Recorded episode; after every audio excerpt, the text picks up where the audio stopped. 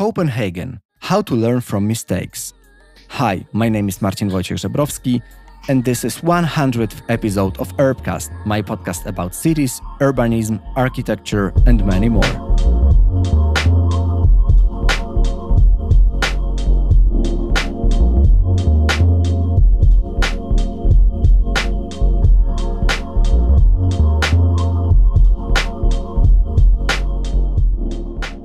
Hi, and welcome to the episode number 100.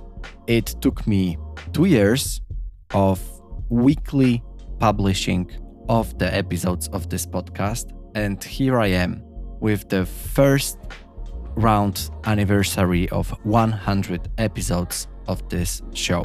I would like to say huge, huge thanks to all of you, both listening to the Polish version of this podcast as well as this one in English.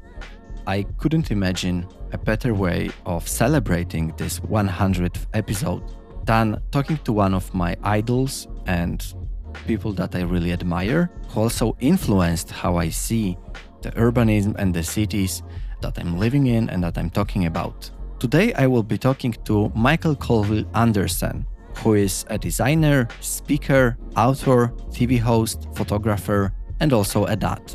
Mikael has written several books about bicycle urbanism, and the most known ones are The Bicycle Chic and Copenhagenize, which is a book that really inspired me and serves as a background to our conversation. Even though this title is How to Learn from Mistakes, talking about Copenhagen, we also discuss urbanism in general and how the bikes influenced how our cities look like, what does it mean to be like Copenhagen, and what are the other cities that are on the rise if it comes to efficient urban planning. In this episode, we discuss Mikael's development as an urbanist and a city observer, and also from his all of his travel during the Life Size Cities TV show that he is hosting. What were the main lessons? What were the key takeaways and the things that he's learned?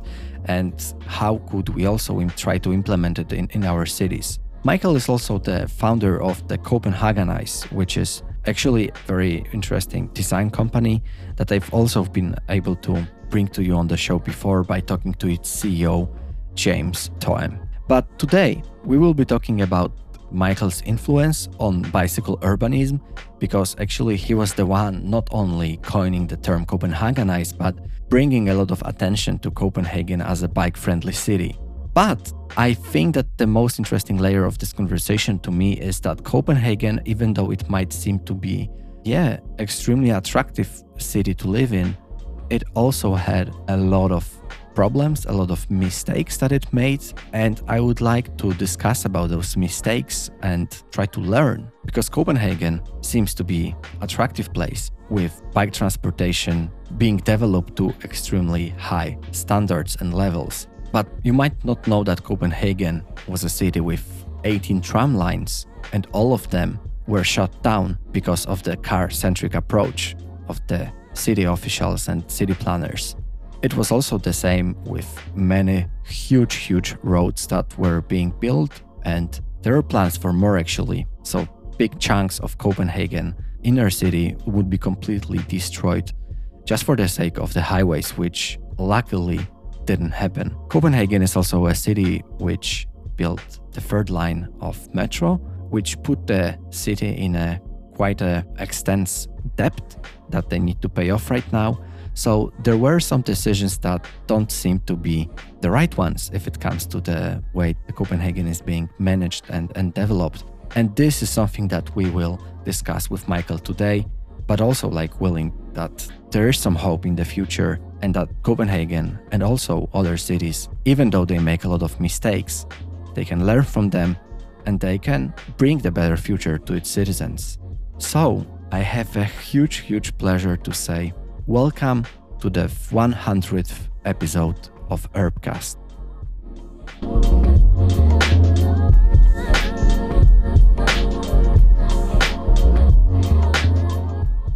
I think that this could be the episode number 100, and that would mean that it's the, the birthday or the anniversary episode So I'm just very, very happy that I could have you on the show. Mikael, welcome. Thank you very much. It's a pleasure to be, well, I don't want to be 100 years old, but it's a pleasure to be a part of the 100.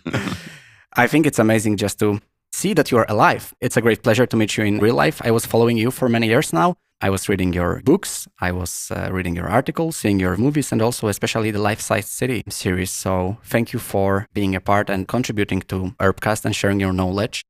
My pleasure. My pleasure. And as we just discussed a moment ago, you like Poland. Can you can you say something more about that? I don't. I didn't say I liked Poland. I'm joking. Um, no, I we were talking uh, about yeah, you know that you've read my stuff and and been following for years. But it's really weird when I started on this bizarre urban cycling, Copenhagenizing, cycle chiking journey back in 2006. Poland was really you know, as a country, the first country to really embrace it yeah. across the board. Fashion bloggers, like young female fashion bloggers, were captivated by Cycle Chic, sending me all their photos of themselves with bikes. Big following emerged, you know, when I started Copenhagenize the blog.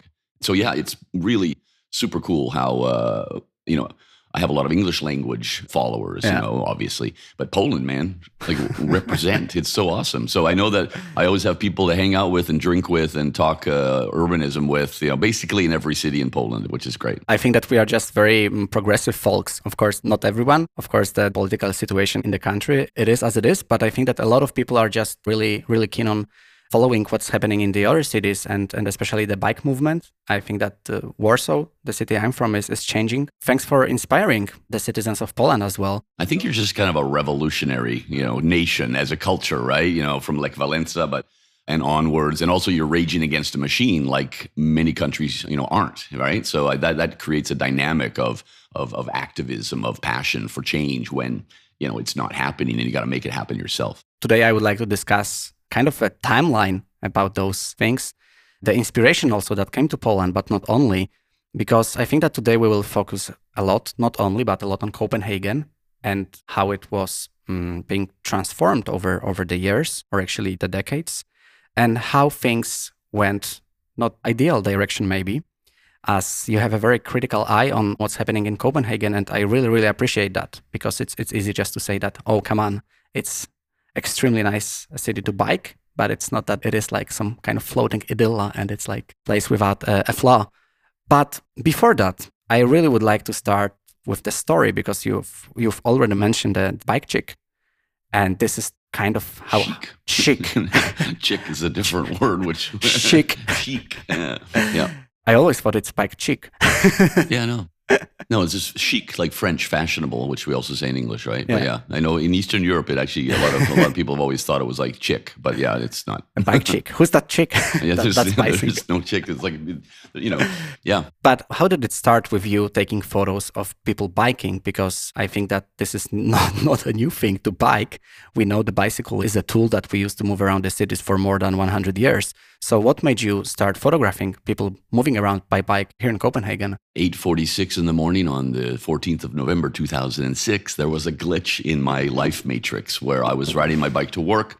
I had been, you know, I have been a street photographer for many years. Always have a little camera with me, yeah, and uh, waiting to, for the light to change, and it changed in the morning rush hour on bikes here and people started pushing off, you know, instantly. As you know, uh, when you ride a bike, well, like most traffic, everybody's going. But there's this young woman in front of me who hadn't moved, and she just stood there like this pillar of calm in a world of chaos. And I just whipped out my camera, took a photo, and then you know went past her and went to work. And then at that time, I had a big following on Flickr, the photo sharing website, and so I just you know slapped that photo out there. And I have all these people almost instantly, most of them in in the U.S., saying, "Dude, you know, how does she ride a bike in a skirt?" It wasn't her, it was just the traffic, it was the scene. And, you know, they go, but how does she ride a bike in a skirt? And in those winter boots, like, you know, the, the high heeled winter boots. And I'm going, like, what a stupid question. I don't know. That's what you do. And then I realized that they didn't know how to do that anymore. They had forgotten how to ride a bike like normal people, you know, like normal citizens in a city. So I just got this massive reaction to that photo. And I went, okay, weird. When you're a photographer or a writer and somebody reacts to something creative that you've done, you're going, okay, I'm going to do more of that. So, like, you know, on Flickr's cool because you can see like a calendar of when you've uploaded stuff. Yeah. So, like, almost the, that day on the way home, I started taking more photos of people cycling, elegantly dressed Copenhageners, right? And then shortly after. Well, I was in 2006, right? So in 2007, what did everybody start doing? They started blogs. Blogs Yeah. became a thing. And I went, okay, fine. I'll try a blog and I'll use it as a photo blog for these photos. So that exploded in my face again. I had like thousands of people visiting, and I hit. So I hit a nerve, dude. I hit a nerve because fashion blogs were like the really the the first wave of blogs was Yeah. like street style and fashion. So this blog got perceived, even though it was street photography, as a fashion blog. And you know, the majority of all my my readers through the years were women looking at like what are other women wearing in Copenhagen, and then they all happened to be on bikes, which was you know. So I hit a nerve, and uh, I was at the right place at the right time, and I also recognized the importance of telling the story of Copenhagen being a bicycle city. We weren't perceived as a bicycle city. I was like Amsterdam, you know, it's like this crazy, chaotic city with crappy infrastructure, but lots of people cycling. And so Copenhagen kind of, I added this brand element to Copenhagen. So, and then that continued. And then I went, okay, this is weird. As a journalist, I'm going, why do these people keep reacting to this? And then I started another, another blog, Copenhagenize.com back then, and started to tell the story. So I had these parallel blogs. If you do what I say in Copenhagenize.com blog, then you'll get what you see on Cycle Chic, right? Right. And uh, but the Cycle Chic movement, at some point we had a 250 chapters around the world, and now I think there's only about maybe 10 left. Um, You know, it's kind of kind of faded away a bit, right? But uh, that was that was a wild ride. So that just transformed, you know, everything that I was doing at the time, and now I'm doing, you know, now I'm this guy, right? But that was all because I took one photo on one morning in November 2006. I'm wondering why Danish people were not so excited about, you know, people dressing very nicely, wearing suits, wearing high heels and biking. Like, why for you, why for the Danes, it was obvious and very normal, whereas for people around the globe, it was like, oh my God, how can you do that? It's simply because people had forgotten. There was a gap in the storytelling. Everybody on the planet, in every city on the planet, Mm. did what we do here now. But they've had, you know, 40, 50 years, a couple of generations of car centric cities, Yeah. and the bicycles were pushed out. They were never fully pushed out here. I mean, in this late 60s, man, you know, this was a car clogged city. All the public squares were parking lots, like in so many parts of the world. But there were still around about 20% of the Mm. population on bikes. So we never really forgot it. So it was easier to bring it back starting in the 1990s, where we started to invest massively again in infrastructure. So the rest of the world just, unfortunately, two generations missed, you know, Yeah. missed it. And so for them, it was a new image, a new storytelling. But for us, it was, it never really stopped, you know? That's really the big difference. Because like every city in Poland was a bicycle friendly city, every city in Mexico and, you know, America 100 years ago. 20% of the population of Los Angeles rode bikes. You know, Mm. it was the greatest cycling, you know, city in the world. They, you know, I mean, I have newspaper articles from the late 1800s saying this is going to be the the best cycling region on the planet. You know, this is perfect for cycling. And then we know what happened there, right? So yeah, it was normal for everybody. Few people forgot about it, and now we're back. But do you think it just became extremely trendy and famous that it just became a cool thing to do to bike? Because I remember I was as a kid, I used to have some bike trips with my grandfather and and it just felt so natural. He had like a nice city bike and we've been just biking all over. I was also raised while using a bike and it was very natural to me. But then you just fast forward and then you see that suddenly it becomes like a, this big hype and now everyone wants to bike and then everyone wants to take a photo with himself or herself biking. Don't you think it made a bit of a harm to how we cycle and how we use the bike that it kind of became of a trendy tool as a smartwatch or a smartphone? I think that, well, like I said before, I was just some guy in the right place at the right time Yeah. and did the right thing about it. But I have no answer to this, like exactly this question. And I've thought a lot about it. Like, I think with, you know, a couple of decades of environmental thinking and, you know, knowing more about climate change, even back in 2006, I think the world was kind of waiting for a symbol to show up because there was no symbol. What do we have? We had, you know, wind turbines. That's they're great machines for generating energy, but they're not, you know, it's not very cool. So I think that I just walked in and said, "Hey, people are cycling here, and you know what? Here's some people cycling in that city too." I think I just hit that, you know, like I said, that nerve and sort of the bicycle, Mm. a human thing. Humans on bikes. Everybody understands bikes, even if you don't ride one. I think that it just became the symbol that we had been waiting for without knowing it. Like I said, no proof of, of concept there, but I think that's really for me what happened. So people embraced it like crazy because it was something that we needed a symbol for all the things we should be doing right in our cities and for the environment and Mm. everything, right? I was waiting for that the whole movement, uh, the cycle chic movement, to uh, you know to fade away like acid wash jeans in the 1980s. You know that sort of three weeks and then we're done, and it just kept going. Yeah. You know, like the bicycle, the momentum continued. So maybe we're not doing as many you know cycle chic blogs and you know Instagrams today as we did back then around the world, but I think we've kind of established the bike. You know, Mm. there was a journalist years ago uh, who literally had the same thought. She says, "Huh." how come we're all talking bike now? Bike, bike, bike everywhere around. You know, it was like in 2008 or something. And she, I didn't know what she was doing. And she emailed me and she's going, dude, everywhere I look, it all goes back to this photo you took on that day. And I'm going, like, I kind of knew that, right? And she said, oh, I'm going to call it the, bicy- the the photo that launched a million bicycles. I'm going, oh my God, that just sounds awesome. Please call it that. you know, that's really, there was nothing before that photo. There were only cycling blogs like Yeah. spandex, mountain biking. There was a couple of transportation blogs in the States that had mentioned bikes a bit. Yeah. There was no dedicated blog or platform for regular people on bikes using them for transport, you know, just going about their city. So that huge gap, you know, I occupied the gap with urban cycling. And then, you know, from being the lone voice in the wilderness back then about, you know, just ride a bike in your city, dude, to the entire conversation Mm. All over the world. Almost every city on the planet now has Yeah. had at least the conversation about, okay, maybe bikes as a as a solution to transport. Hmm. You know, other cities have moved fast. Other cities have talked about it, but it's on the agenda now, and it is not going anywhere anytime soon. It's back. The Hmm. bicycle is back.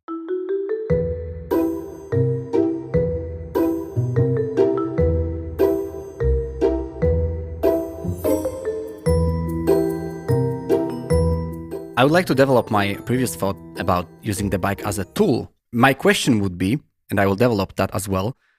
Could bike or is a bike um, political tool? Because I remember watching uh, Borgen, their series about the, the Danish government, and uh, the last season was about uh, the prime minister and the, and the government finding oil in Greenland, and um, they just wanted to, of course, they wanted to to get the money uh, from that. And there was like a big climate strike, and uh, I remember someone was saying to the foreign minister, "Oh, so there is the, the the strike, the climate strike today. You should just go back home on bike." and she's just taking bike and then going to the to the people striking so she's showing with a bike you know she's she would love to earn as much money as possible on the oil but at the same time she's using the bike so i think that's what i meant exactly with the bike being used for some agendas of people isn't that a bit dangerous Yeah, I don't think it's that serious. I think it's a Danish politician obviously is going to take a bike to anything vaguely related to, you know, the environment. I think it's it's kind of a no-brainer. I mean, 67% of the politicians at the Danish parliament ride a bike to work every day. Hmm. So it's not a it wasn't a stretch Yeah. that she went to the bike rack and uh, and hopped on a bike. Although I did meet a taxi driver years ago, and uh, I don't know why we were talking about this, but he told me that there was this very high-ranking Danish politician. Uh, I think it was Mogens Lykketoft. He was high up in the government. He says, "Yeah, I pick him up every day, right here on uh, on the square. So he rides his bike out of the parliament, and he rides down here, and I put his bike on the back of the taxi, which all taxis in Denmark have a, have bike racks on them, and then I drive him home. And I'm going, what? He says, yeah, he does it all the time, man. Uh, he just rides. So he so in a way, it's kind of a it's imaging, you know, it's uh, showing. Oh, I ride a bike, but then you know, kind of hacking the system. But I, I don't think it's a bad thing. I think I think that's what the bicycle is for. If you look at the history of the bicycle, how it became a symbol of the suffragette movement, women's liberation, it became like, yeah, we're women and we're on bikes and you're not going to do anything about it, buddy, right? It was that symbol. It became a symbol of mobility for the working classes who could ride farther to get work. You know, it became a symbol of so many things throughout history. I mean, Hitler, you know, he uh, one of the first things he did was he banned a massive socialist organization in Germany when he first came to power in the 30s. Uh, But it was a cyclist organization, but they were all socialists, right? And these people could show up like without without social media, you know, on a street corner in like 10 seconds. There'd be 10,000 people on bikes. So he, he got rid of them. So, he, you know, he, he saw the bicycle as a threat, right? But I think generally, I hate the fact that the bicycle is generally perceived as a left wing thing, you know? Yeah. Let's save the planet on our little pink unicorn bicycle, man, and ride away into the sunset. I hate it because you know what? The bicycle is also perfect for you know the right wing mentality. You don't tell me to get healthy. I'll get healthy on my own time, right? You don't stick your nose into my personal life. But the bicycle is independent mobility, which suits, in my mind, the you know both sides. Like the bicycle doesn't give a damn who's riding it, you know, what regardless of color and wage and age. I mean, it just does its damn job as a tool, and you know, and people can use it politically or symbolically as they want, as long as there are bikes everywhere we look. Another threat I see sorry for me being maybe a bit negative, but I want to have this critical eye as well. And I think that you're also very good at it. I'm thinking about the, the bike as a business because when you said that it exploded and people all around the world, they were like, oh my God, bike is cool. Let's jump on a bike. And it became also a cool thing uh, recently. I think also it, it was previously in Copenhagen and now in, in other cities around the world to have a cargo bike. And I saw some images from like, yeah, 80 years back and there were already cargo bikes. But nowadays people are like, oh, cargo bikes, it's amazing. And you could just easily say, yes, but it was already established like 100 years ago. People just use it to transport goods. And what's your take on that? Because also when the pandemic started, there were many shops running out of bicycles because people suddenly realized, oh my God, I need my freedom. I need, I need to avoid crowds in the in the public transportation. I will buy a bike. Don't you think that it just became a very very good business to sell bikes and and to make money on it. I mean, I'm not an economist, dude, but that's that's how a market economy works, right? Supply and demand. So uh, yeah, there was a lack of supply because of the pandemic. We've seen this throughout history. Like when I have an article recently on my Medium uh, account about how the bicycle is just a symbol and a tool in times of war and crisis. Mm. After the tsunamis in uh, Indonesia and and in Japan, the photos are filled, you know, the news feed is filled with photos of people on their bikes because the roads are destroyed, but the bike gets you through, you know. Hiroshima also afterwards, the bomb, you know, there's lots of photos of people just, you know, transporting what little things they have left on a bike. It's like a little, you know, like a workhorse, right? So I think you've seen a rise in cycling in the cities that go on strike, like London and Paris. Boom, it's a it's massive for cycling. The financial crisis in 2008, boom, the bike, you know, so who cares? I think what's interesting is that there are large bike brands. Most of them are, you know, well, there's in the States and stuff, Trek and Giant and, you know, Taiwan and stuff. They're monstrous organizations. They're so big, so they're hard, it's hard for them to change quickly. So what I think is amazing is the great number of small bike brands, especially mm. here in Copenhagen, yeah. You mentioned cargo bikes. I think we have like 40 different brands of cargo bikes in Denmark, right? It's not just the one that we all know, the Christiania bike. It's it's massive. So when you have a lot of small scale bike brands, you know, you who can change quickly and change their model to adapt to something uh, that people need to start producing better cargo bikes or whatever. That that's where the strength of the of the market is. And it's kind of cooler that a whole bunch of small companies are uh, are making money and not just you know a couple of you know mega companies uh, in in foreign countries. You know, so I think that's the strength. Like there are more and more bike brands showing up. There's more and more people uh, in Denmark and around Europe. You know, we're returning now also to Portugal. Mm. Not many bike factories left in Europe, right? There's one in, in northern Germany where my bike, my Danish bike brand, they have theirs made, so it doesn't even come from China. But now in Portugal, man, they had so many bike factories that they never really got rid of. So European bike brands are going, oh, we can get it made here okay, we don't have to wait for the shipping, you know, with the coronavirus crisis yeah. and and the shipping chaos, right? Ooh, so we're starting to return to our roots and starting to rebuild our bike factories in Europe. So I think that's cool. That's like mm. that's good for the the economy. Small scale businesses making money, putting more bikes into cities. I'm a fan. I remember seeing a uh, car manufacturer, I don't remember which one, advertisement about a new model of car, probably electric, as it is fancy nowadays. But what struck me was that uh, there were some bikes in this ad as well. So the message was kind of, of course, use the car, but biking is also kind of okay. And do you think that if a car manufacturer sends this message, is that does it mean a, like kind of a paradigm shift, or it's just a PR tool because bikes are so popular nowadays in the cities? PR tool. You know, we call we we have greenwashing, but we call this bike washing, right? And then there's pink washing if you sort of use women, you know, in a way, you know, the, the female market or way. Yeah, so it, it's totally bike washing. I've been looking at this. I remember the first ad, the first ad of, from a car company, Audi, back in, uh, geez, I think that was 2008. Where you know that that was what happened with the Cycle Chic blog is all of a sudden all the fashion brands, you know, Gucci have like models with bikes. It just it really hit the big corporate world, and then the car companies started also in the first Audi ad. Audi's just been the worst. I have a whole series of articles. Like I literally have a, a um, you know, the car empire strikes back, right? Because they see a threat to their dominance. So some of them attacked bikes, and other ones started going, okay, let's just put some bikes in the in the background. And Ford did an ad where uh, it was filmed on bikes. So then they cut, and you could see like the camera crew filming the guy in the, you know, so, oh, yeah, it's, but dude, it's all bike washing. It's a huge monster industry that is literally scared of this new competition, right? And they continue to be scared. So I think that's great. We're mm. scaring the monster, you know, instead of the monster, you know, destroying our cities. We're, we're literally scaring the monster now. That's great. Yes, I think that's that's a good answer. Then I remember one. You said cargo bikes before. Yeah, I remember Ford Ford of Poland. They had like a van, an advertisement for a van, and a cyclist, like a spandexy cyclist, next to it. He's going, "Yeah, well, you can't transport anything on that bike." And I, and I have I wrote about it. I'm going, "Yeah, well, the cargo bike, you know, dude, that's the future of our cities, you know." So it's like they just completely their advertising department did not very, Google very far, you know, because it's like there is literally solutions that can match your van, and it's called a cargo bike, and like you said, it's been around for like a century, right? Yes. I have yes, a, my yes. packages here from UPS arrive on a cargo bike. If I have anything from DHL, they arrive on a cargo bike. So this cycle logistics is, you know, really amazing to see how many cities in Europe are now embracing this cargo bike last mile logistics, right? Yeah. The bicycle's back and it's, I call it like the string in- instrument in the orchestra, the bicycle. Then the cargo bike is now the percussion, right? It's like, yeah, you know, it's, it's the meat in the sandwich now, you know, it's really showing us how we can move stuff around cities.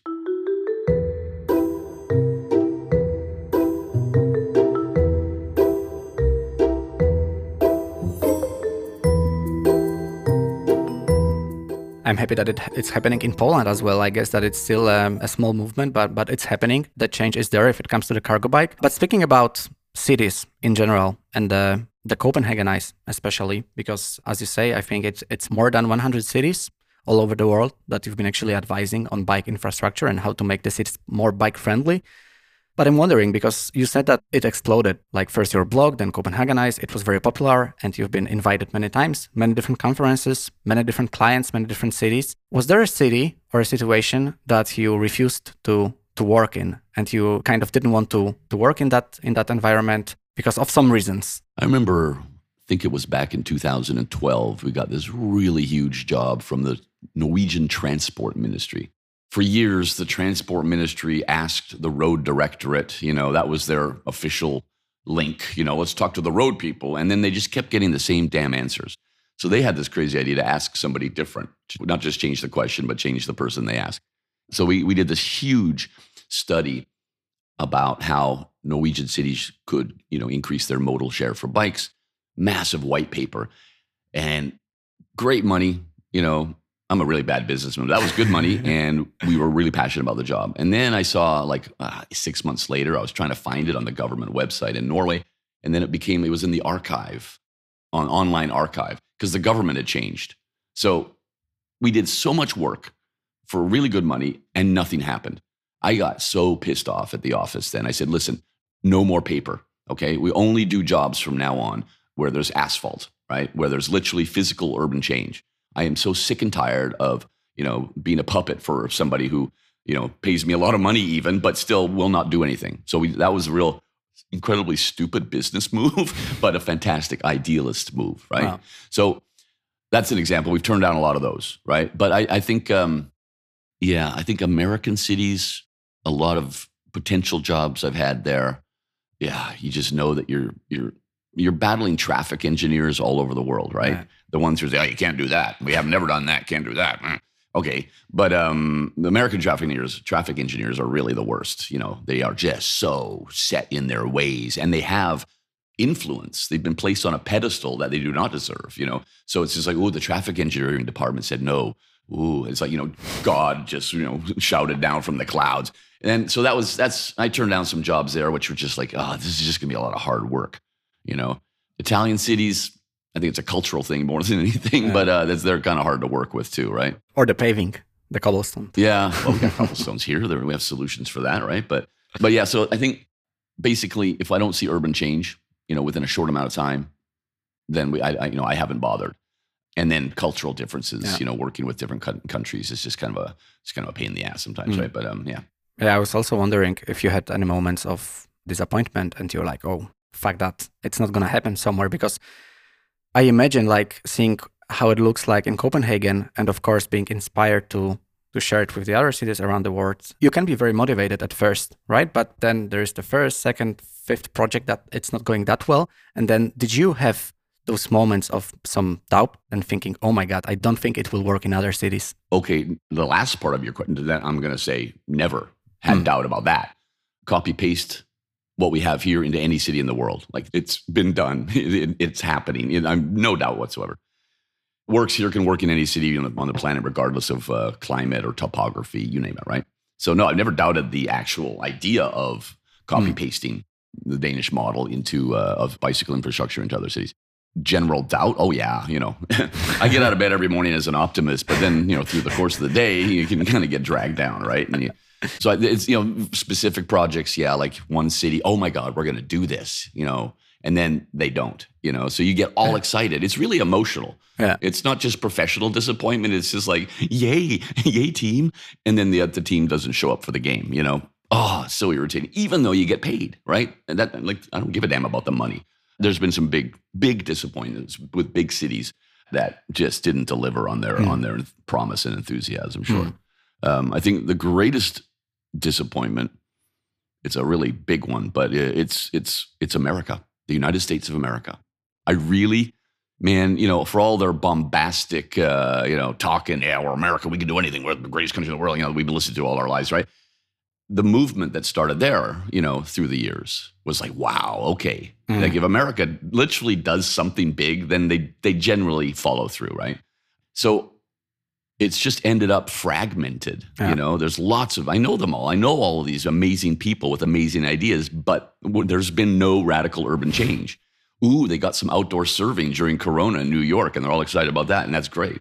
New York got some bike lanes at some point and then didn't get any more. You know, Chicago built some and now they haven't built, you know. So it's kind of like all this baby steps, which I hate generally about urbanism. It's but America is just one massive baby step and they should be better than they are. You know, they should be so far advanced in this journey that's been that we've been on for 15 years, right?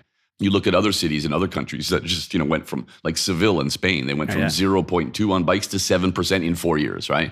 There's still no city in America that has anywhere near 7%. You know, maybe maybe Minneapolis and maybe a few cities yeah. are getting better, but still there's been no great leaps of progress. Yeah. And I, I've just generally been disappointed with America on that point, right? Because I thought I thought they, you know, for all the talk, you know, you know, I think I thought they should have uh, delivered a little bit more. So because America gave us all the shit that we live with. They gave us traffic engineering and car centric streets, and we all adopted it in the 50s and 60s. So know, it's kind of like you got to fix the the export that you gave us, right? You got to get on the team now, right? And show us. So yeah, generally, um, I've done work in American cities, but yeah, it's uh, it's been a bummer. I look to other countries, smaller countries, who just have more drive and passion and literally deliver on their promises. You pinpointed the thing I really want to discuss right now: the this great gift, the export of the the car centric design. oh my god, the Trojan horse. I need to. I need to start. I need to start uh, asking you about that because Copenhagen, and if you want it or not, you played a key role in branding it as a bike friendly city, as Copenhagen, as Co- Copenhagenize as well. But I think that it should be said that it hasn't been always like that, right? Because Copenhagen was almost destroyed by many different crazy ideas and projects. And I really like mm, the article you've written some time ago, the highway projects that almost destroyed Copenhagen. And that there was a guy called Urban, haha, Hansen, who the urbanized Copenhagen or wanted to the urbanized Copenhagen, removing the 18 tram lines or demolishing big chunks of the city for, for the highways. Luckily, I think not many of that happened eventually. But I think that we should say that Copenhagen was in a very under a big threat of not being a city like it is nowadays. What happened here happened everywhere in the 1950s after the war, everybody went, whoa, okay, the future is the automobile. You know, we drank the Kool Aid, you know, yeah.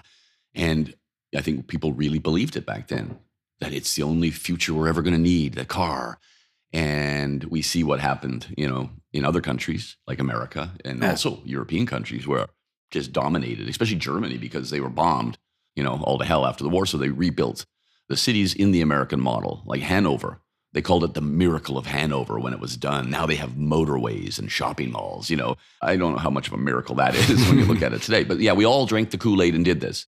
Luckily, cities like Copenhagen, Helsinki, Oslo, even Amsterdam had plans for this massive, you know, attack of of of uh, bulldozing neighborhoods and and putting in motorways and planning for this car centric future. Luckily, we didn't actually pull through. We didn't have the money to do it. You know, Stockholm. The joke in urban planning with Stockholm is that you know they were neutral during the war, so they bombed their own cities after the war, right? By putting in highways along the harbor front and crazy stuff that that uh, you know they thought they needed to build. Luckily, we didn't get to do it. The plans for the motorways through Copenhagen, yeah, you know, the city would have been very different today. There are still massive scars from you know this intervention from the mayor at the time, Urban Hansen. Yeah, we have huge roads. We have uh, bulldozed neighborhoods that are now kind of a park or whatever. You know, so there were, man, it's really interesting to see how how close we were. And even other cities literally started bulldozing, and they got to a point where yeah, we, we can't afford it, or for whatever reason they killed the project. So, yeah, we were so close to really, really doing the wrong thing.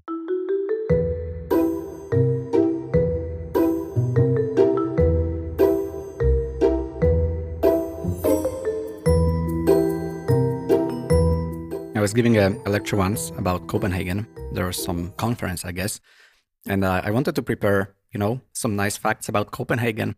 And I started googling about the history and how Copenhagen became such a bike-friendly city. And then I realized some photos with trams in Copenhagen, and I was like, wait a minute, there are no trams. And this is because the decision was made to delete, just demolish all the the tram uh, lines and we are not having trams anymore, but we have metro. mm, yeah. I saw your face now, and yep. you are not uh, not a big fan of that idea. Mm. And do you think it's it's possible, or what does it need to to take for trams becoming the transportation tool again in our cities, not only Copenhagen, but in Copenhagen as well? But do you think that it was possible anyhow to avoid building another line of metro, but instead re-establishing the efficient tram. Not a fan of the metro. Never have been. This one, it's a cultural thing. You know, Denmark has like, you know, this perception of itself historically. You know, you know that we're a little bit fancier, you know, than the other kids in the in the region.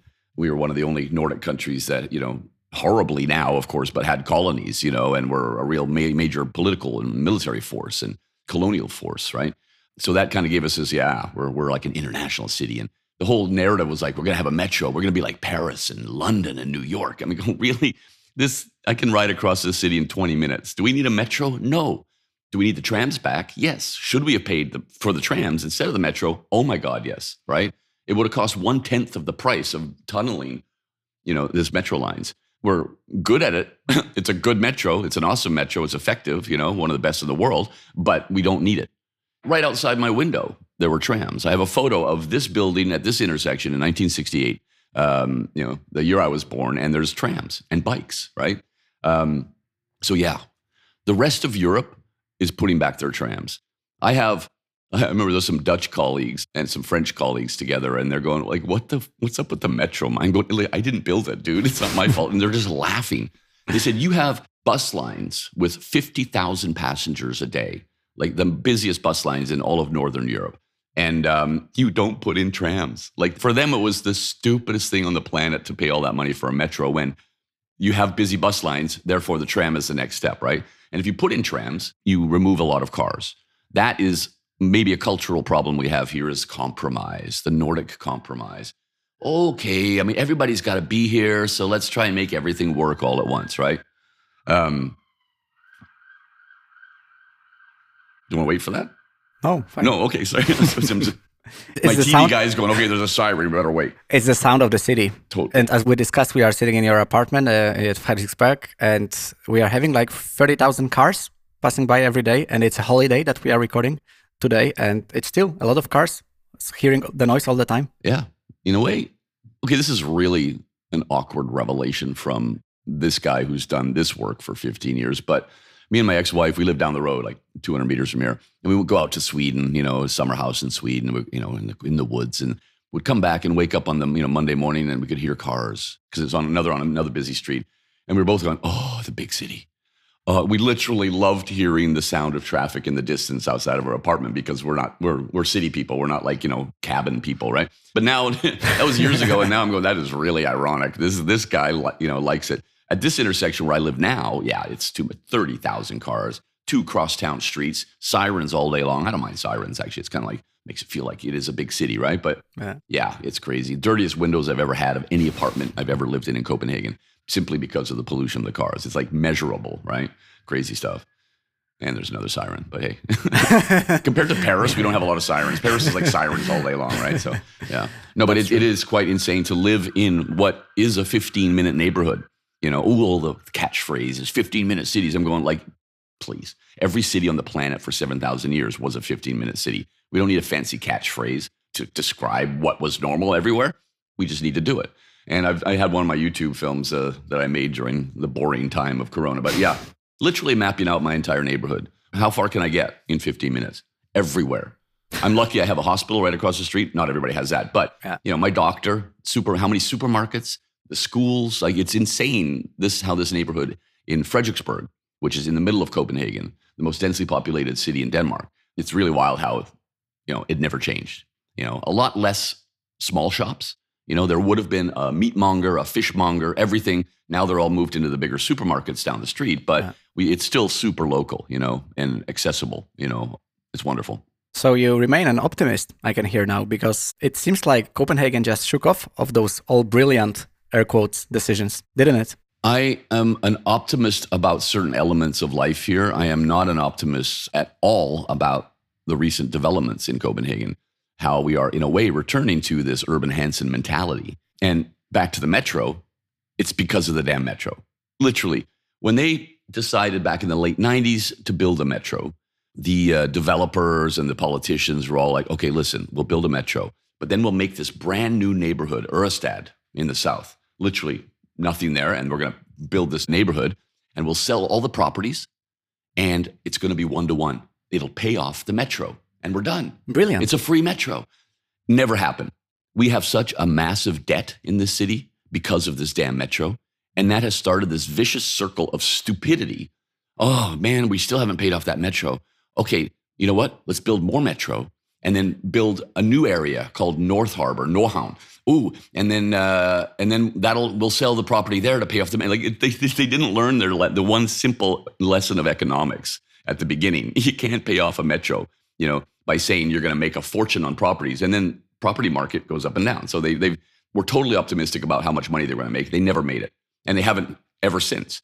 And now the new idea with this, you know, this vision of an artificial island reclaiming land at the head of the harbor, like the biggest and stupidest mega project in the history of Denmark, really, which will die. I'm, I can not see how that's going to happen because they they are screwing up constantly. No environmental concerns. They don't give a damn about the the ocean floor and all of this stuff, right? But it's also, oh, and we'll make shitloads of money on the property and that, that will pay for the island. No, it's never worked, you stupid people. like my I'm not even an economist, an economist. I'm not even that. Um, I'm bad at math, but I can do this math. And there are people in charge who are so mind-bogglingly stupid, right? And we listen to them. And that is not the future of urban development in Copenhagen or anywhere. The Americans screwed up already. The Chinese have screwed up already. And we're just doing the same thing. It's like China style here with uh, with urban development, right? oh my God, yeah. Now, now you can hear I'm not an optimist, and this is this is where I get pissed, right? But um, man, it's uh, yeah, it's so stupid. And then that has a knock on effect, right? Then we start thinking about other bigger projects because ooh, you know that project. Well, maybe we can do that artificial island south of the harbor with industrial areas. You know, really, like stop killing off the sea floor, right? It's in you know the rise of cars, like this is the greatest challenge we have in Denmark is prosperity. This, you know, the economy here just simply doesn't get hit by financial crises or corona. You know, it's like Denmark and Switzerland during the financial crises back in uh, the 2008, nine, all that. It just kind of like was, we just we just waited for it to blow over, um, and then kept building, right? So we, everybody has so much money, so car sales are going through the roof every year for the past six years, and especially during Corona, people were buying cars so just I can look out the window here and see, wow, yeah, there are way more cars in the in the rush hour in the afternoon. They don't live here, most of them. They'll drive to the suburbs. So at seven o'clock in the evening on this busy street, you and I can play frisbee, right? But during the day, it's it's like insane. So and we had this one famous 180% tax on new cars. Yeah. We had it for years since the 80s. It never really adapted to our increased living standard and our, you know, wages that kept going up. But it was still a hindrance, right? you know, you bought a car for 10,000 and you're going to pay, you know, 180% on top of that. A right wing government we had, they knocked it down to, I think it's between 80 to 150%. So, like the 80 is a small car. You only pay 80% tax on that now. And it, it, all it is is environmental taxes and weight taxes, you know, because cars destroy asphalt pretty quick, right? So all we're trying to do is get some money back from the worst business model in the history of transportation. So when they knocked down that tax, it just made it accessible to everybody. Like I just did a project in a neighborhood north of Copenhagen called Gentofte at a, at a high school. Traffic chaos, like an American high school, right? And it's increasing daily. So they just need some desperate measures to uh, to fix the damn road and mm. stop the traffic from coming in. And all it is is like high school students, right? Never seen that before on that scale at any point in Danish history. You've seen it today. So that mm. is a major challenge. And nobody does anything about it. You know, there's no uh, call to raise the taxes back to probably 250% would be feasible for trying to get some money back. There's no talk politically of it. You know, the left wing government at the moment, they're trying to, you know, keep the right wing voters maybe happy and get them over to there. You know, so it's all just this this uh, weird vacuum that we're in at the moment after so many years of being such a progressive modern city that the world really looked to for inspiration. Now we're like going the opposite direction. It's really it's it's like hilarious and it's embarrassing.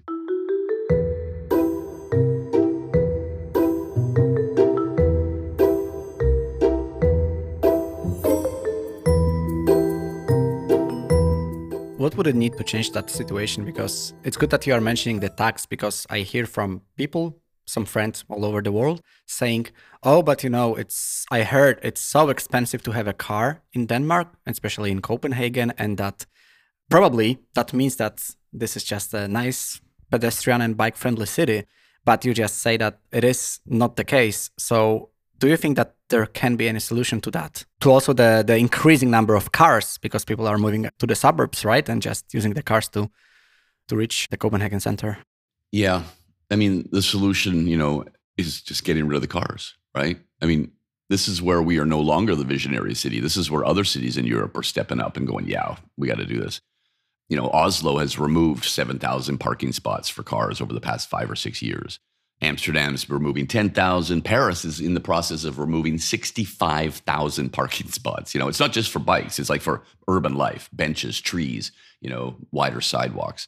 Yeah. Milan also, you know, but Barcelona. There are cities to watch now, you know, and it's not us anymore. I literally don't. You know, bike wise, it's I still believe it's the best bicycle city in the world. You know, uniform, designed infrastructure, not all this spaghetti infrastructure like in, in the Netherlands, you know, where they have no no uh, no sense of design. You know, here it's structured and uniform.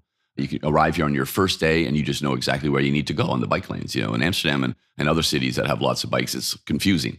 You got to learn it where you how to get to places. You know, so this is the most transferable model on the planet for that.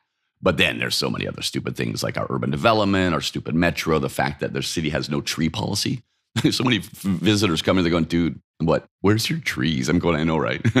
Frederiksberg, the city I live in, has one. You have to be able to see a tree from every apartment, every home in Frederiksberg, Official policy for decades, right? But then as soon as you leave Frederiksberg and go into Copenhagen, it's just like, yeah, you know, it's like a desert, right? Ooh, but it's urban design. Look at that new square by those fancy architects. Look at the tiling. Oh my God. Yeah, there's dude, there's no trees. Like, you know, yeah. they planted some, but like it's gonna be 50 years before anybody can benefit from them, right? So yeah. So there's like a lot of things that are just when you when you realize, you know, I love this city. You know, I totally love this city, but like as a transferable inspiration, so on so many points, it's yeah, don't even bother. Literally go to Paris. There are only two cities on the planet. There are only two cities on the planet to watch right now: Helsinki and Paris. There's literally nobody else that's of any interest on a big scale. Those two cities. Go there and learn about all the other stuff we need to do in cities. Come here to learn how to ride, you know, build a bicycle city. Everything else, Paris and Helsinki. Boom. I was a bit shocked when I was reading one of your articles mentioning the things we are just talking about right now, because you are the guy who coined the term Copenhagenize. And then in one of the articles, you've, you've been mentioning the other cities, the Oslo as well, Helsinki. And you said that maybe it is the time to send Copenhagenize into retirement. And I just thought, oh my God, did you really say that? did I say that exactly? I can't remember. I remember writing the article. I can't remember what I said I mean, I think You just mentioned Oslofication Mhm. and, and also that maybe Copenhagenize is not the thing anymore. It should be Oslofication or Helsinki yeah. fashion Okay. that now I remember o- what I wrote. Other cities are just on the rise if it comes to the the good urbanism and people friendly cities. Yeah. Um, I think it. I think I was right. I wrote it. No, but but that's that's to the same point, right? I know that in Vancouver, somebody invented the phrase Vancouverism because in a North American context, they they do a couple of things better than the rest, but it's still just this big stupid city with really kind of a nice downtown. But then the rest of the city is just you know North America. But they they all so it's kind of a trendy thing, you know, to copy, you know, and and make up other isms and ises and everything. Yes. I mean, Copenhagenize led to Antwerpenize. You know, uh, there's a dude there, uh, a friend of mine who started Antwerpenize. Back in the day, there was Philadelphia Eyes, Portland Eyes, a bunch of other I's, Bogota Eyes, whatever. Um, you know, so it kind of started a movement on its own, not as big as the Cycle Chic movement, but yeah, it's great. But yeah, you know, I don't think, I was, I was trying to think like, what could we call it in Paris? But then, you know what? It's just Paris. You, you know, it doesn't need an eyes or an ism behind it. It's just like, we're just Paris. just, you know, and that is really, man, the stuff every week there's stuff that I just read in the French news going, what? Every week. But I know the, the vice mayor, he's really cool. He's saying, yeah, we don't do the one big large scale project. We literally slow drip, right? Every week we do small things. So it, it looks like we're doing stuff because we actually are, right? So that kind of constant urban change where there's literally a headline every week and literally physical urban change on some neighborhood in some street, that is a really interesting approach instead of just waiting to win an election, throwing a whole bunch of money at one thing, saying, look what we made. Yay, we made a thing. Okay, you know, every week they're making things, right? Constant. And working together with participatory democracy where people can say, hi, we're five neighbors. We want to get rid of that parking spot and we'd rather have a bench. And then you can literally send that into the city of Paris and they will they have a team going, okay, that's a good idea. Boom, and we will do that. And then you come out as a citizen, go, there's a bench. Like that was me. I made the bench happen. Yay, yay, yay, yay, neighbors, right? So I think that, yeah, that's just an example of what Paris is doing, right? But um, they need better design of bicycle infrastructure. They haven't really figured that out, and I, I take the piss out of them constantly, the mayor and uh, and on social media. But still, they're getting there, you know. But yeah, it's not Paris eyes or Paris uh, ism. It's just Paris, Paris. Paris.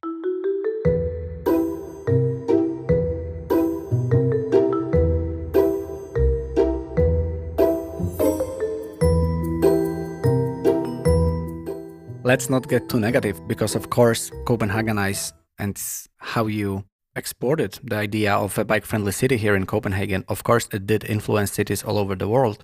And it also uh, resulted in a book, Copenhagenize, which was, I think Poland was the first or one of the first countries that translated it into Polish. Polish was the first The foreign first. language. Then The it's in German. Um, it's coming in Chinese, and there were some other countries are working on it. Like I heard from Finland recently, they want they want to have a translation. And five days ago, I should have been in Kiev because the Ukrainian version is printed and ready to go, and I should have been there to to launch the book. And then you know, Putin showed up with his invasion forces, right? So we'll we'll get back to Kiev. They're going, oh yeah, we're not we're we're doing this, but we're just going to wait a bit, right? So yeah, yeah, I'm, I was so happy. Of course, it was Poland. Uh, you know, first movers once again, right? Uh, Yes. and it's a beautiful book. The Polish cover, like it was the design of it is so awesome. Yes, the publisher, Wysoki Zamek, the High Castle, so to translate freely, they do really good job with uh, exporting those those books and translating them into Polish and publishing in an extremely nice way. But the Polish version was called Be Like Copenhagen, Być jak Kopenhaga. And I was thinking, say that I love. Być jak, so you get to say the in bitchyak. But when you look at it in with English eyes, it's like bike jack, Bike jack. like in, like like you're hijacking a, a bike or something. But uh, whatever, it's great. Yeah. And I was thinking when I saw the title, okay, Copenhagenize, it is the, the original version, and then it's Be Like Copenhagen in Polish. And I started thinking, but can other cities be like Copenhagen? Is that even possible? Because I'm not a big fan of like copy pasting because I think that so much depends on a context that it's so hard to say, okay, we copy that element and paste somewhere else. So, what is your take on that? So when I coined the phrase back in 2007, for me, it was about a bicycle city, right? Copenhagenize your city with our design 100 years of Danish bicycle planning. Other people, for some reason, you know, took it and said, "Oh, it means like every, you know, just everything Copenhagen is doing, copy in the, into other cities." I never intended that. Mm. For me, it was only the bikes. So no, other cities should not be like Copenhagen. You know, like every city is unique and and uh, and beautiful in its own way. Most of them struggle with last century problems like car centric traffic engineers and politicians who don't know better.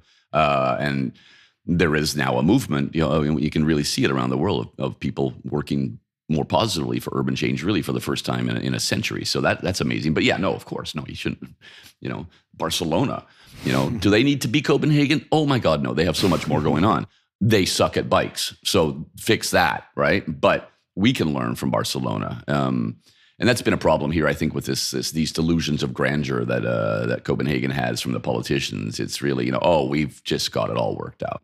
We don't need to look for inspiration anywhere else because CNN, BBC, everybody's still writing about it. You know, and it's just like this. If you know, if somebody says, "Hey, you are beautiful. Your clothes today, awesome. You're working it, man. You're Thank never you. going to change your clothes or your hair, right? You're literally going to go, "This is working for me." Yeah. Um, and so that's the problem. We're resting on our on our laurels, and uh, we need to have, we need to look to other cities for all the other things, like Helsinki. You know, they want to stop burning stuff to fuel their, you know, their energy source, right? So they're looking for like radical solutions. Mm. Oslo, just next level with their urbanism. Paris, like I mentioned, Milan, you know, temporary bike lanes. Like, you know, we literally have to keep looking and copy pasting back like other people Mm. have copy pasted from us, you know? So we can share ideas and knowledge and inspiration. But yeah, you know, you do not do anything to the unique fabric of your city, the unique identity of your city, right? Unless it's like Phoenix or Houston, then you just need open heart surgery, right? But uh, but generally, you know, yeah, every city is unique. How different would the book be if you wrote it in 2022? Oh wow, okay, that was a good question. I think it would be the same. I mean, the, what is the book? It is all of my thinking and my philosophies uh, and my experience uh, working around the world, um, and and seeing what is transferable, what is not, you know, and what other cities are doing right and wrong. So it's literally just a guidebook for bicycle friendly cities, right? I don't think it would, it would change drastically.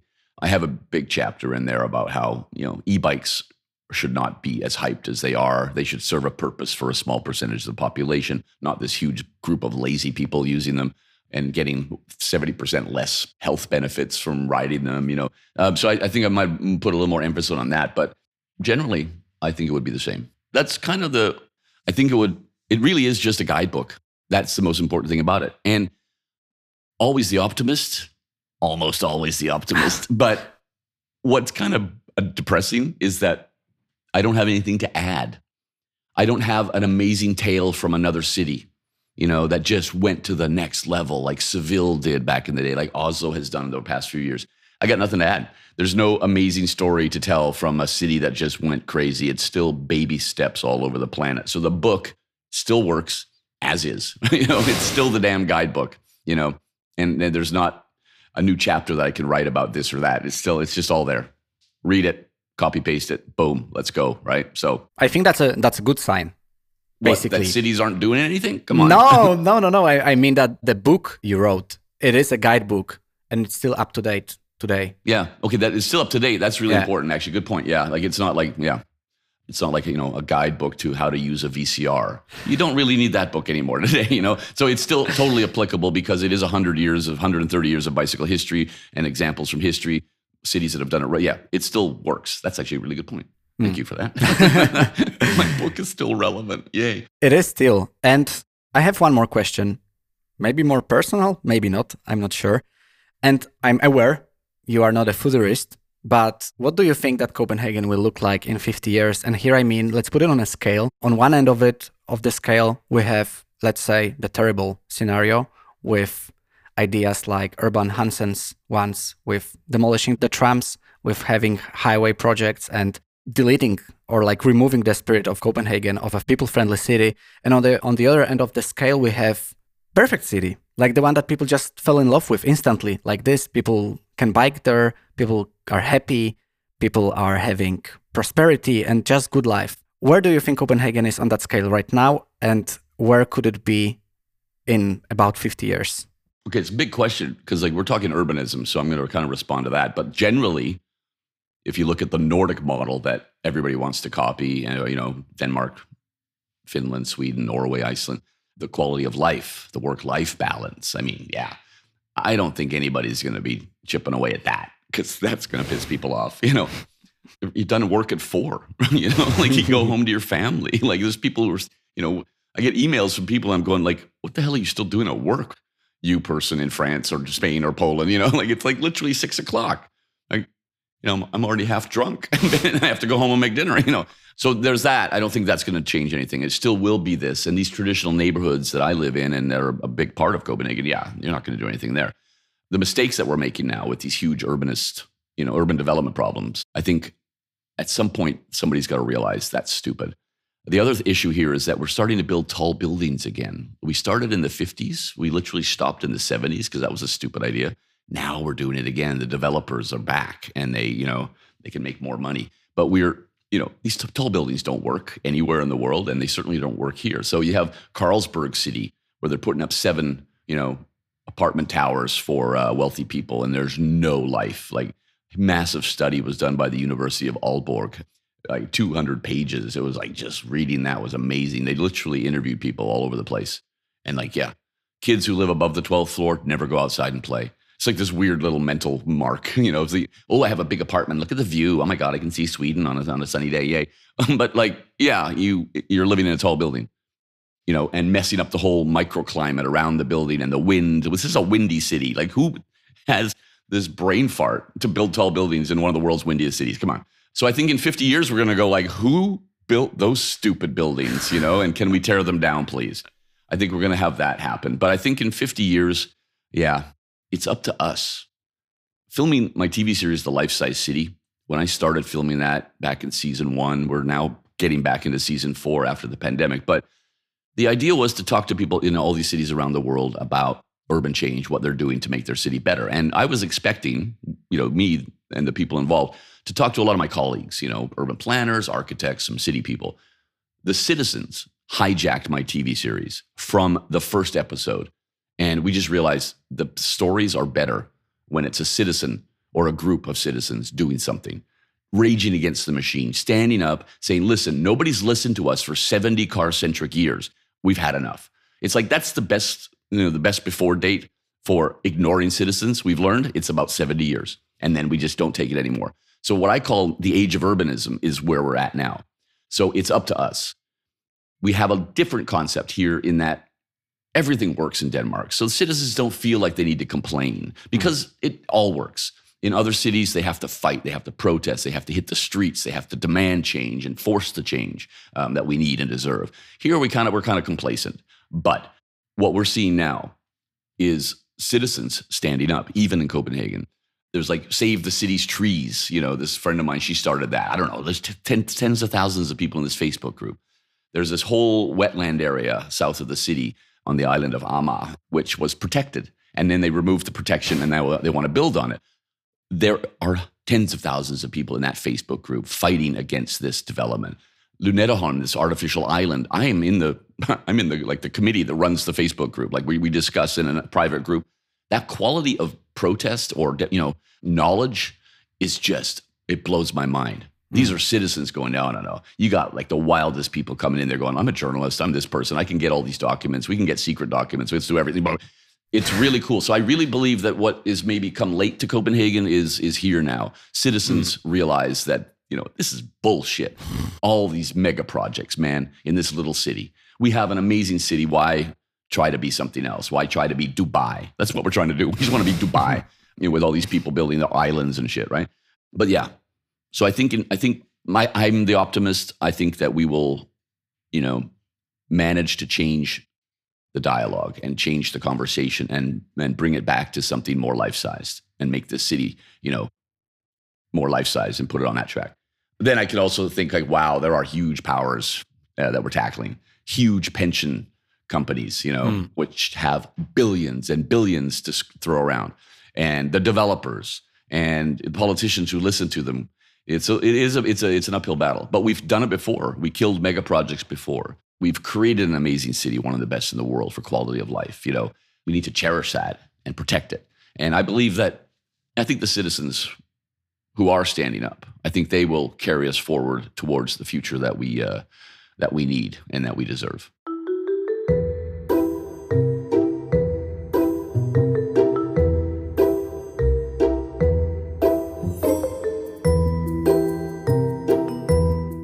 Hope we are getting smarter with every generation. I mean, let's be optimists. We are, right? Yeah, yeah. we are, right? Right. a little desperate, aren't we? I don't know, man. You know, it's, yeah.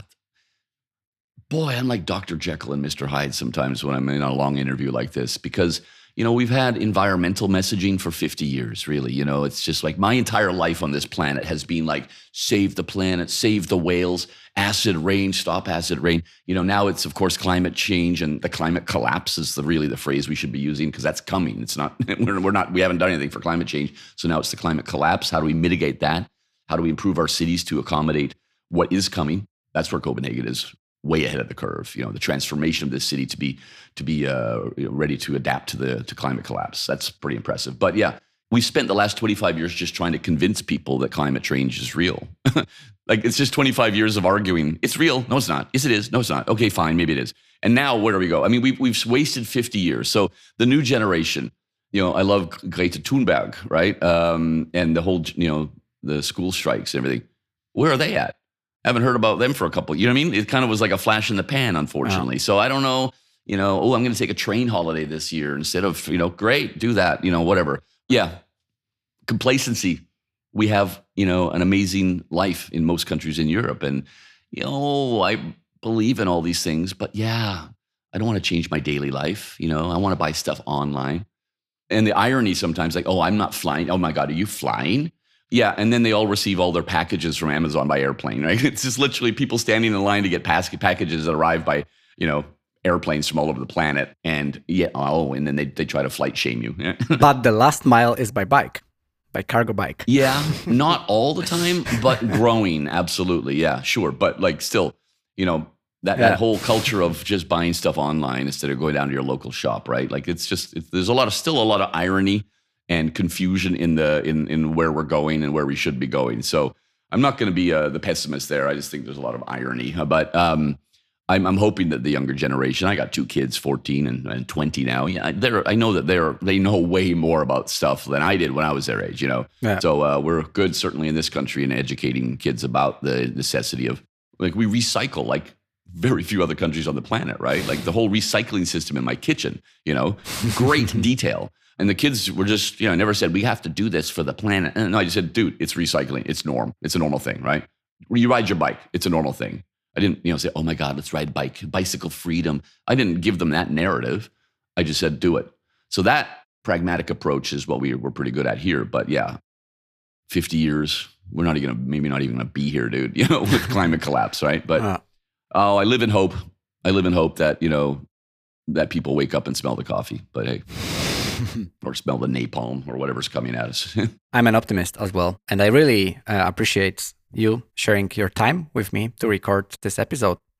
The special one to me because uh, you inspired my, my work as well. I'm an urbanist myself and I'm, I'm following your work for many, many years. And I do appreciate your critical lens as well on Copenhagen, especially. But still, I think I would prefer to end on this to end this talk in this more uh, optimistic note and more inspiring one. And this is why my last question is about a book recommendation. And I was thinking if I was the one to recommend a book, I would recommend Copenhagenize in this conversation, not only because I'm talking to you, but I think it is a really good book. I already recommended that, I think, in my small series of book recommendations that I do, the Urbanism book recommendations. But what would be your recommendation of a book to to those who are listening to us? All right. So that's a tricky one, but I did a list for some new book website, like an author's kind of website. Now, the funny thing about me is that I've never read all of the books that everybody else in my industry has read.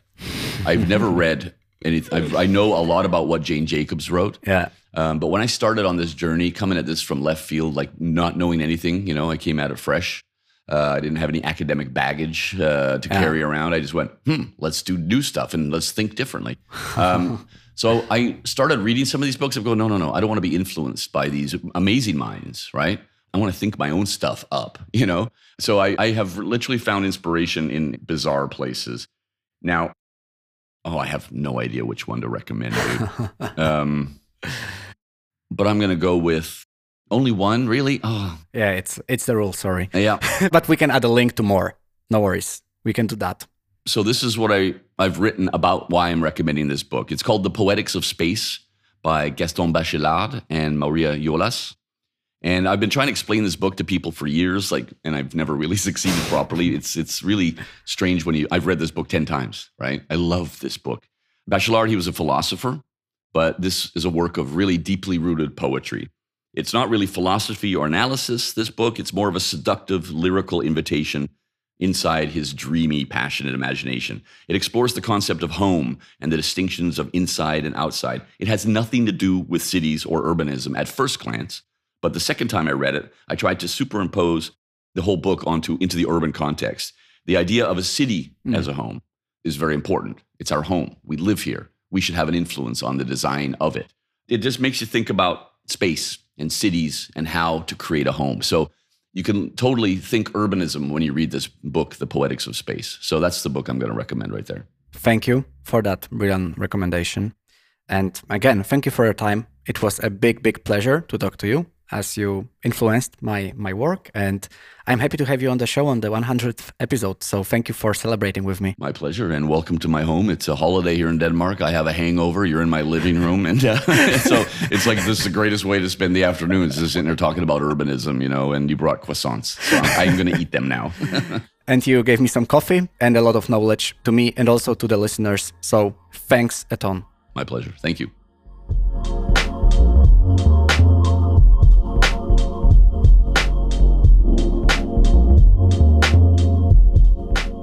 Thank you for listening to the newest episode with Mikael, and oh my god, what a ride it was! I was extremely happy to fulfill one of my biggest dreams of this podcast. So, invite Mikael to the show, and also the timing was working very well because I managed to record that before the 100th episode, and this conversation, this very meaningful conversation for me, could be the round 100th episode. So, one more time, thank you for sharing your time with me and listening to this podcast. And if you would like to get to know anything more, please contact me or Mikael. And I hope to talk to you very soon.